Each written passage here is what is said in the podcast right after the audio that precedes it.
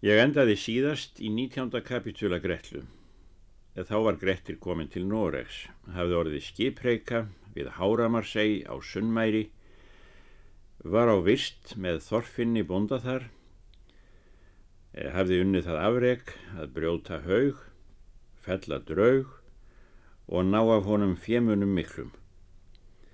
Þá var líst eh, hættu ástandi í Noregi að völdum stigamanna og berserkja og sagt frá því að Þorfinnur Bóndi fór til Jólaveyslu á meginlandi en Grettir var eftir í eigunni á samt konu Bónda, dóttur hans og fleiri heimamönnum.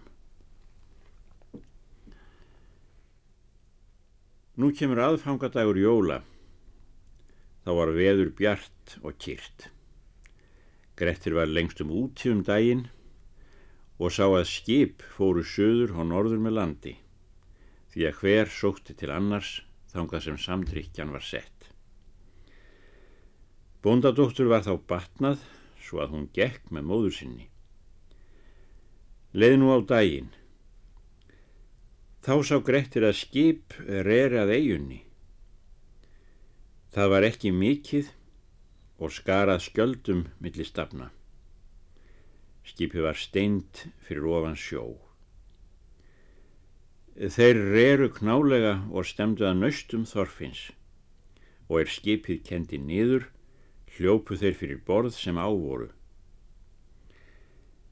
Grettir hafði tölu á mönnum þessum að þeir voru tólf saman. Ekki þótti honum þeir friðlega láta. Þeir tóku upp skip sitt og bára sjó. Eftir það hljópu þeirra nöstinu, þar stóð inni karfin Þorfins sá hinn stóri. Hann settu aldrei færri menn á sjó en þrýr týjir. En þeir tólf ryktu honum þegar fram á fjörugrjótið. Síðan tóku þeir upp sitt skip og bárin í nöstið. Þá þóttist Grettir sjá að þeir myndu ætla að bjóða sér sjálfur beina. Hann gekk þá til móts við þá og fagnaði þeim vel og spyr eh, hverjir þeir væru eða hversu formaður þeirra hétt. Sá svara skjótt er tilvarmælt og hveðst heitað Þórir og kallaður Þömb og bróðir hans augmundur og aðrir kompánar þeirra. Vænti ég, saði Þórir, að Þorfinnur húsbóndi yðar hafi heyrt vor getið eða hvort er hann heima? Grettir svarar Gæfum en miklir munu þér vera því að þér hafi hér góða aðkomu ef þeir eru mennirni sem ég ætla. Bóndi er heimannfarinn með alla heimamenn þá er frjálsir eru og ætlar eigi heim fyrir ná bak jólunum. Húsfreyja er heima og bóndadóttir og ef ég þættist eh, nokkurnu mót ganga ég að gjalda eh, þá vildi ég þann veg að koma því að hér er hvað vettna það er hafa þarf bæði öl og annar fagnadur. Þórir þæði meðan Grettir létt ganga töluna. Síðan mælti hann til augmundar. Fór nokkuð fjarrið því sem ég gatt til, sagðan, og væri mér það í hugað hefna þorfinni er hann hefur gert oss útlaga. Er þessi maður góður af tíðindum? Þurfum við eigi að tógast eftir orðum við hann? Orða sinna á hver ráð, saði Grettir, og gera skal ég yður slík hann forbeina sem ég má og gangið heim með mér. Þeir báðu hann hafa þökk fyrir hvaðust hans bóði hlítamundu. En er þeir komið heim að bænum, tók Grettir í hönd Þóri og leitti hann til stofu. Grettir var þá málreifur mjög. Húsfreyja var í stofunni og let tjálta hana og búast um vel, en er hún heyrði til Grettis nafn hún staðar á gólfinu og spyr hverjum Grettir fagnaði svo alvarlega? Hann svarar Það er ráð húsfreyja að taka vel við gestum er hér komin Þórir bóndi þömp og þeir tólf saman og ætla hér að sitja um jólinn. er það all gott því að við áttum heldur fáment áður. Hún svarar, ekki telja þá með bóndum eða góðum mönnum, því þeir eru hinnur vestu ránsmenn og yllvirkjar. Vildi ég gerna hafa gefið til mikinn hlut eiguminnar að þeir hefðu eigi hér komið í þetta sinn. Launar þú á ítla þorfinni fyrir það er hann tók þig af skip broti félausan og hefur haldið í vetur sem fjálsan mann. Grettir svarar Betra nú fyrst að taka vorklæði af gestónum en að ámæla mér. Þess mun lengi kostur. Þórir mælti þá. Verið í stygg húsreia. Engin missir skal þér í verða þó að bóndi sé ég heima, því að fá skal mann í stað hans og svo dóttur þinni og öllum heimakonum. Slikt er karlmannlega talað, saði Grettir, meg að þær þá eigi yfir sinn hlut sjá. Nú stukku fram konur allar og sló á þær óhug miklum og gráti. Grettir mælti til berserkja. Seljið mér það í hendur sem þér viljið afleggja, vopn og vorsklæði, því að eigi mun oss fólkið stýrilátt meðan það er óhrætt. Þórir hvaðst eigi hyrða hvað konur nögguðu, en mikinn mun eigum við að gera þín eða annara heimamanna, líst mér sem við munum hafa þig að trúnaðarmanni. Sjáu þér fyrir því, saði Grettir, en eigi ger ég mér alla menn jafna. Síðan lögðu þeir af flest vopn. Eftir það mælti Grettir. Ráðlegt þykir mér að þér farið til borðs og drekkið nokkuð því að yður mun þyrsta af róðri. Þeir kváðust þess albúnir en sögðu sér ókunnugt til kjallara. Grettir spyr hvort þeir vildu hlýta hans forsjá og umgangi. Berserkirni létust það, gjarna vilja. Grettir fer til og sækir öl og gefur þeim að drekka. Þeir voru mjög móðir, það er þreyttir, og sulgu stórum. Lætur hann óspart ölið, það er áfengast var til og gekk því lengi. Hann segir þeim og margar kátlegar sögur. Var það þessu öllu saman háreisti til þeirra að heyra. Egi fýsti heimamenn til þeirra að koma. Þá mælti Þórir. Egi hef ég þann mann fundið ókunnan, er svo vel vildi við oss gera sem þessi maður. Eða hver laun viltu af oss félögum þykja fyrir þína þjónustu? Grettir svarar. Egi ætla ég hér til launa fyrir að svo gerðu. En ef ég erum því líkir vinir þá er þér farið á brott sem nú horfist á. Eh, þá mun ég ráðast til lags með yður. En þó að ég megi minna en einhver yðar, eh, þá mun ég eigi letja stóræðana. Þeir eruðu mjög gladir við og vildu þegar binda félagsitt með fastmælum.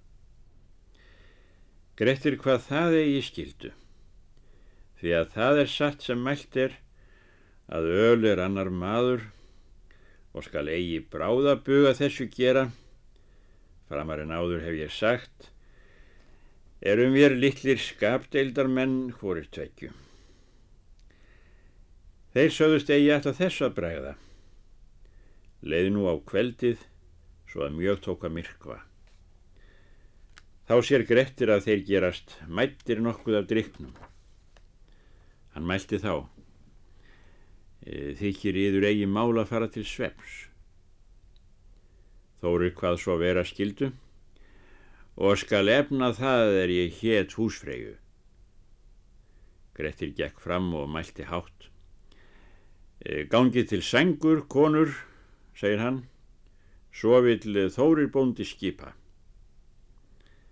Þær báðu honum íls á móti, var hinn mesti úlfa þýtur til þeirra að heyra. Berserkir komu fram í þessu. Grettir meldi. E, göngum út og mun ég sína yfir fatabúr Þorfins. Þeir letu það leiðast, komu þeir að útibúri, ákálega stóru. Þar voru á útidyr og sterkur lás fyrir. Það var all stert hús. Þar var hjá salerni mikið og stert og eitt skjald þýl í milli húsana. Húsin stóðu hátt og var nokkuð rið upp að ganga. Berserkir gerðust nú umfáms miklir og skotruðu gretti. Hann fór undan í fleimingi og er þeim minnst var von, hljóp hann út úr húsinu og greip í hespuna og rekur aftur húsið og setur lás fyrir. Þórir og hans félagar ætluðu fyrst að svarvast myndi aftur hafa hurðin og gáðu sér ekki að. Þeir höfðu ljós hjá sér því að Grettir hafi sínt þeim marga gripi, það var þorfinur átti, litu þeir þar á um stund. Grettir flýtir ferðinni heima bænum og þegar hann kemur í dyrnar kallar hann hátt og spyr hvar húsfræja væri. Hún þagði því að hún þorði að svara. Hann mælti, e, hér er næsta veiðarefni, eða eru nokkur vopn, þau eru neyteru. Hún svarar, eru vopnin, en eigi veit ég til hvers þér koma. Tölum síðar um það, segir hann. Dugi nú hver sem má, eigi mun síðar vætna húsfræja mælti. Nú væri Guði garði ef nokkuð mætti umbætast vornhag. Yfir seng Þorfinns hangir króka spjótið stóra, er átt hefur kár hinn gamli, þar er okk hjálmur og brinja og saksið góða, og munu eigi bila vopnin ef þér dugir hugurinn. Grettir þrýfur hjálminn og spjótið en girðir sig með saksinu og gengur út skjótt. Húsfreyja kallar á húskarla og bað þá fylgja svo góðum dreng.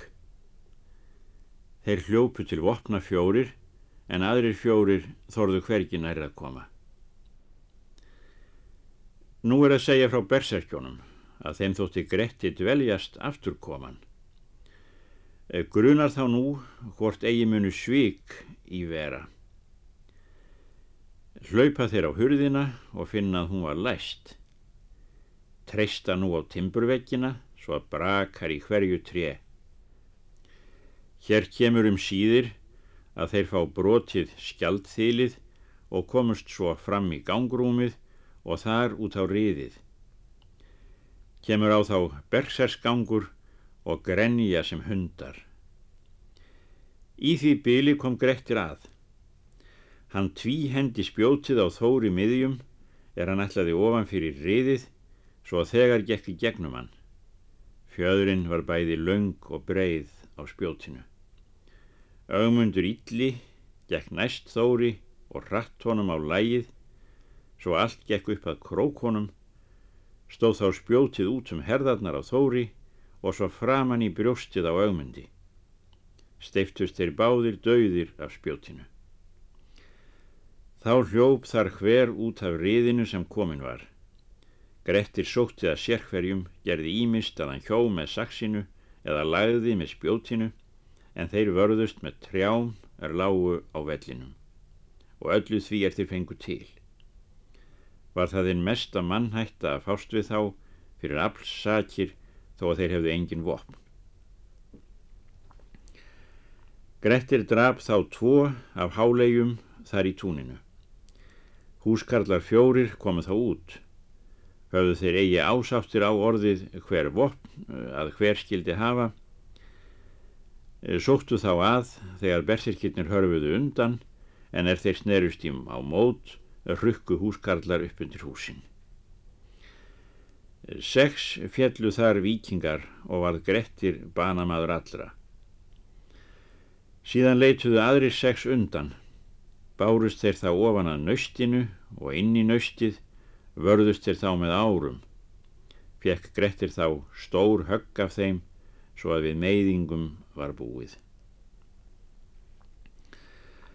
Húskarlar fóru þá heim og sögðu mikið af framgöngu sinni. Húsfræja bað þá vita hvað af Gretti yrði en það fjekst eigi af þeim. Tvo drapu Grettir í nöstinu en fjórir komist út hjá honum. Fóru þá sinn veg hvorir tveir, hann eldi þá sem nær honum voru, gerði nú myrt á nótt. Þeir hljópu í kornhlöðu nokkra á þeim bæ sem fyrr var nefndur, er á vindheimi hétt. Þar áttust þeir lengi við en um síðir drap Grettir báða. Var þá ákálega móður og styrður en mikið var af nótt. Veður gerði kallt mjög með fjúki. Nendi hann þá eigi að leita vikingana þeirra tveggja er þá voru eftir, gekk hann nú heim til bæjar. Húsfreyja létt kveikja ljós í hinnum efstu loftum við gluggana að hann hefði það til leiðarvísis, var og svo að hann fatt af því heim er hann sá ljósið. Fatt er forn þáttíð að feta. En er hann kom í dyrnar, gekk húsfreyja að honum og bað hann vera velkomin. Og hefur þú, segir hún, mikla fræð unnið og leist mig og hjú mín frá þeirri skemmt er við hefðum aldrei bót fengið nema þú hefur borgið oss.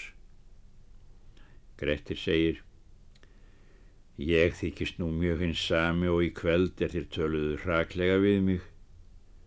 Húsfreyja mælti svo. Við erum vissum eigi að þú væri slíkur afreiksmaður sem nú höfum við reynd. Skal þér allt sjálfbóðið innan bæjar það sem hæfir að veita en þér sæmdi að þykja en mig varir að þorfinnur launi þér þó betur er hann kemur heim. Grettir svarar Lítils mun nú þurr við þurfa fyrst um launin en þykja mun ég bóð þitt þar til er bóndi kemur heim en þess væntir mig að þér megið sofa í náðum fyrir berserkjunum. Grettir drakk lítið um kveldið og lá með vopnum sínum um nóttina. Um morgunin, þegar Lísa tók, var mönnum stemt saman um eina, var þá farið að leita berserkjana, þeirra sem undan höfðu komist um kveldið. Þeir fundust að áliðnum degi undir einum steini og voru þá dauðir af kulda og sárum. Síðan voru þeir færðir í flæðar urð eina og dísjaðir þar. Eftir það fóru menn heim og þóttust eigarskjækjar í fríð þegnir. Grettir hvað vísu er hann kom heim til húsfreyju. Tólf höfum gröf hjá gjálfri Gunnelds búið runnum. Einn nameg öllum vinna, ótrauður berandauða. Hver munu gild of görfast, gulls velborin selja, verk þau er einn fær orkað, ítur, ef slík eru lítil. Grettir kveðst með öðrum orðum hafa búið tólf hermönnum gröf við sjóin og unnið þeim einn bráðan döiða, ótröður. Spyr hann jafnframt húsfreyju hver verk sem einn maður fær af hendi leist muni teljast fullgild ef slík séu lítiltalinn. Húsfreyja mælti Vist ertu fáramanna líki þeirra sem nú eru til. Setur hún hann í öndvegi og gerði til hans alla hluti vel. Leð nú svo fram uns Þorfinns var heim von. Tuttugasti kapitúli Eftir jólin býst Þorfinnur til heimferðar og leisti marga með góðum gjöfum brott er hann hafði til sín bóðið. Síðan fór hann með sínu föruneyti þar til er hann kemur mjög að naustum sínum. Þeir sjá að skip lág á sandinum og bera brátt kjensl á að það var karfi hans, hinn stóri. Ekki hafði Þorfinnur þá spurt til vikingana. Hann bað þá flýta sér að landi því að mig grunar, sagði hann, að hér hafi eigi vinir um vjelt.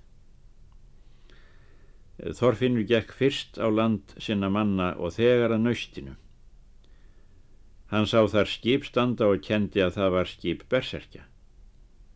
Hann mælti þá til sinna manna.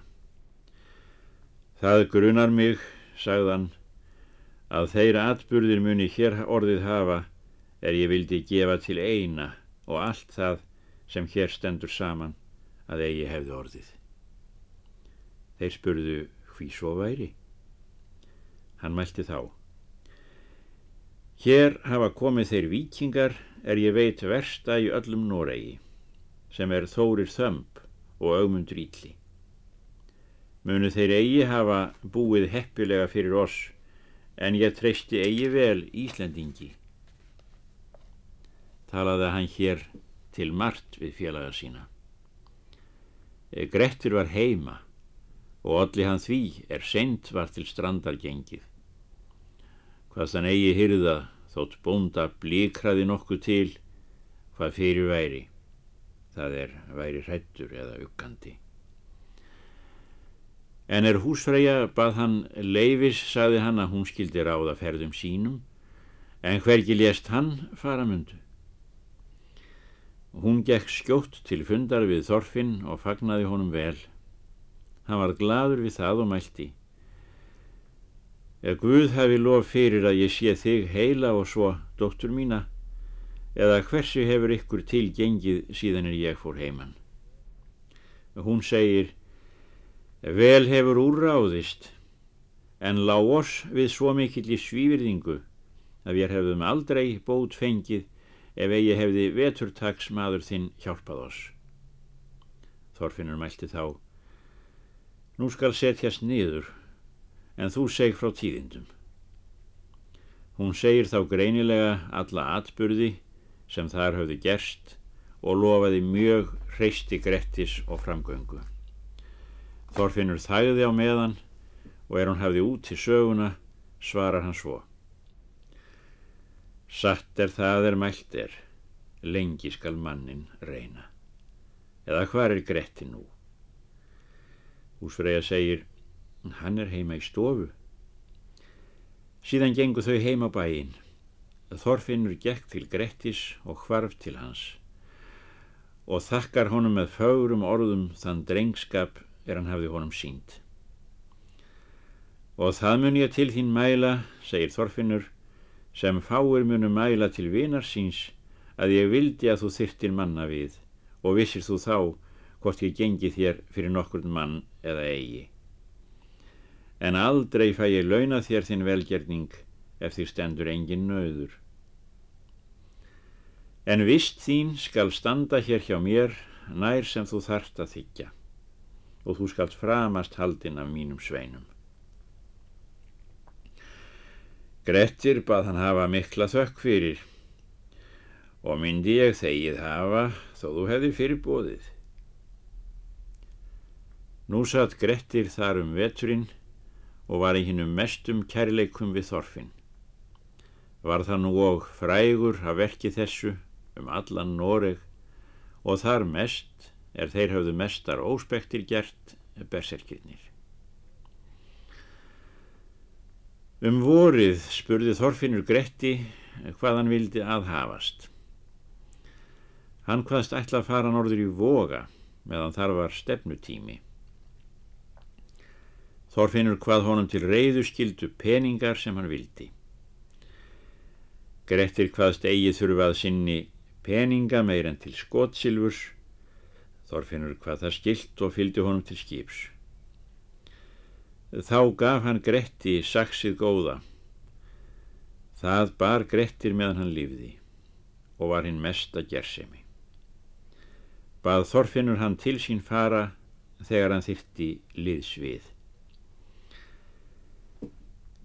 Grettir fór nú norður í voga og var þar allmikið fjölmenni.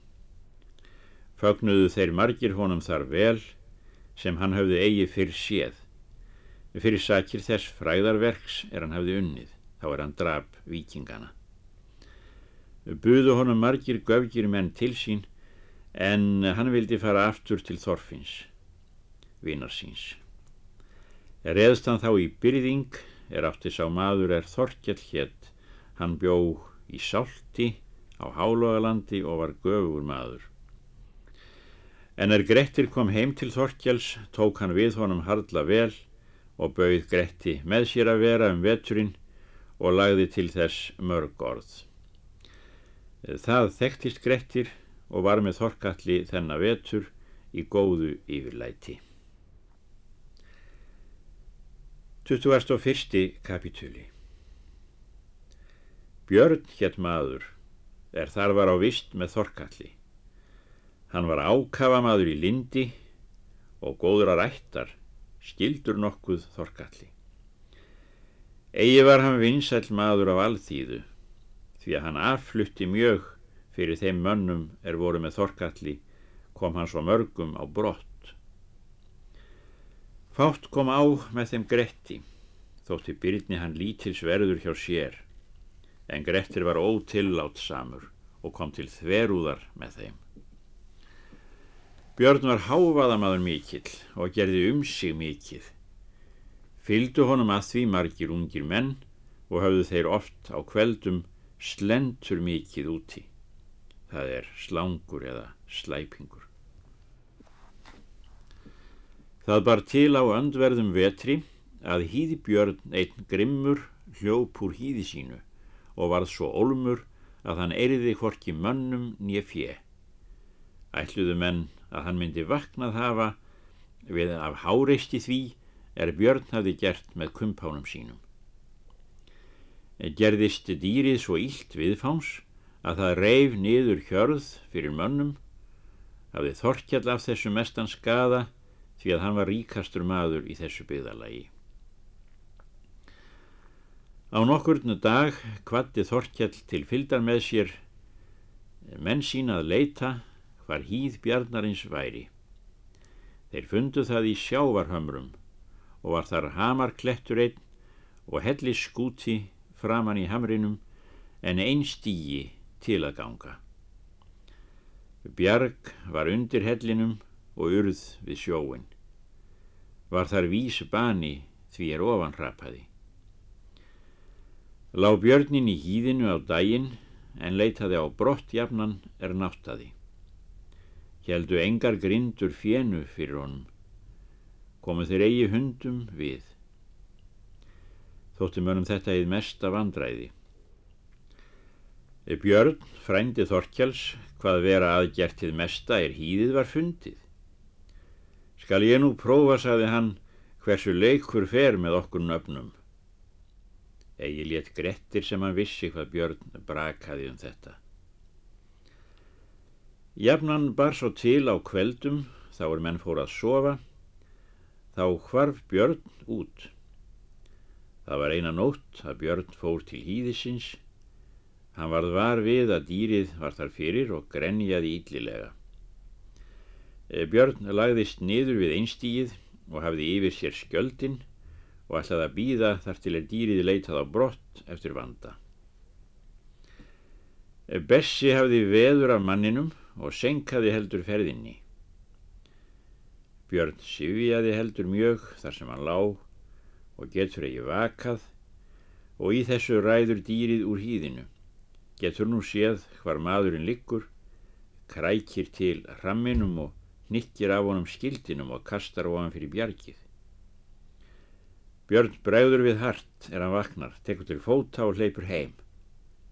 Var þá búið við að dýrið myndi grípa hann. Vissu þetta félagar hans, því að þeir höfðu njóstn á um ferðir bjarnar. Fundu þeir skjöldin um morgunin og gerðu af þessu hið mesta gapp. Hér eh, ljúkum við lestrinum en eh, frásögnin heldur áfram í næsta lestri.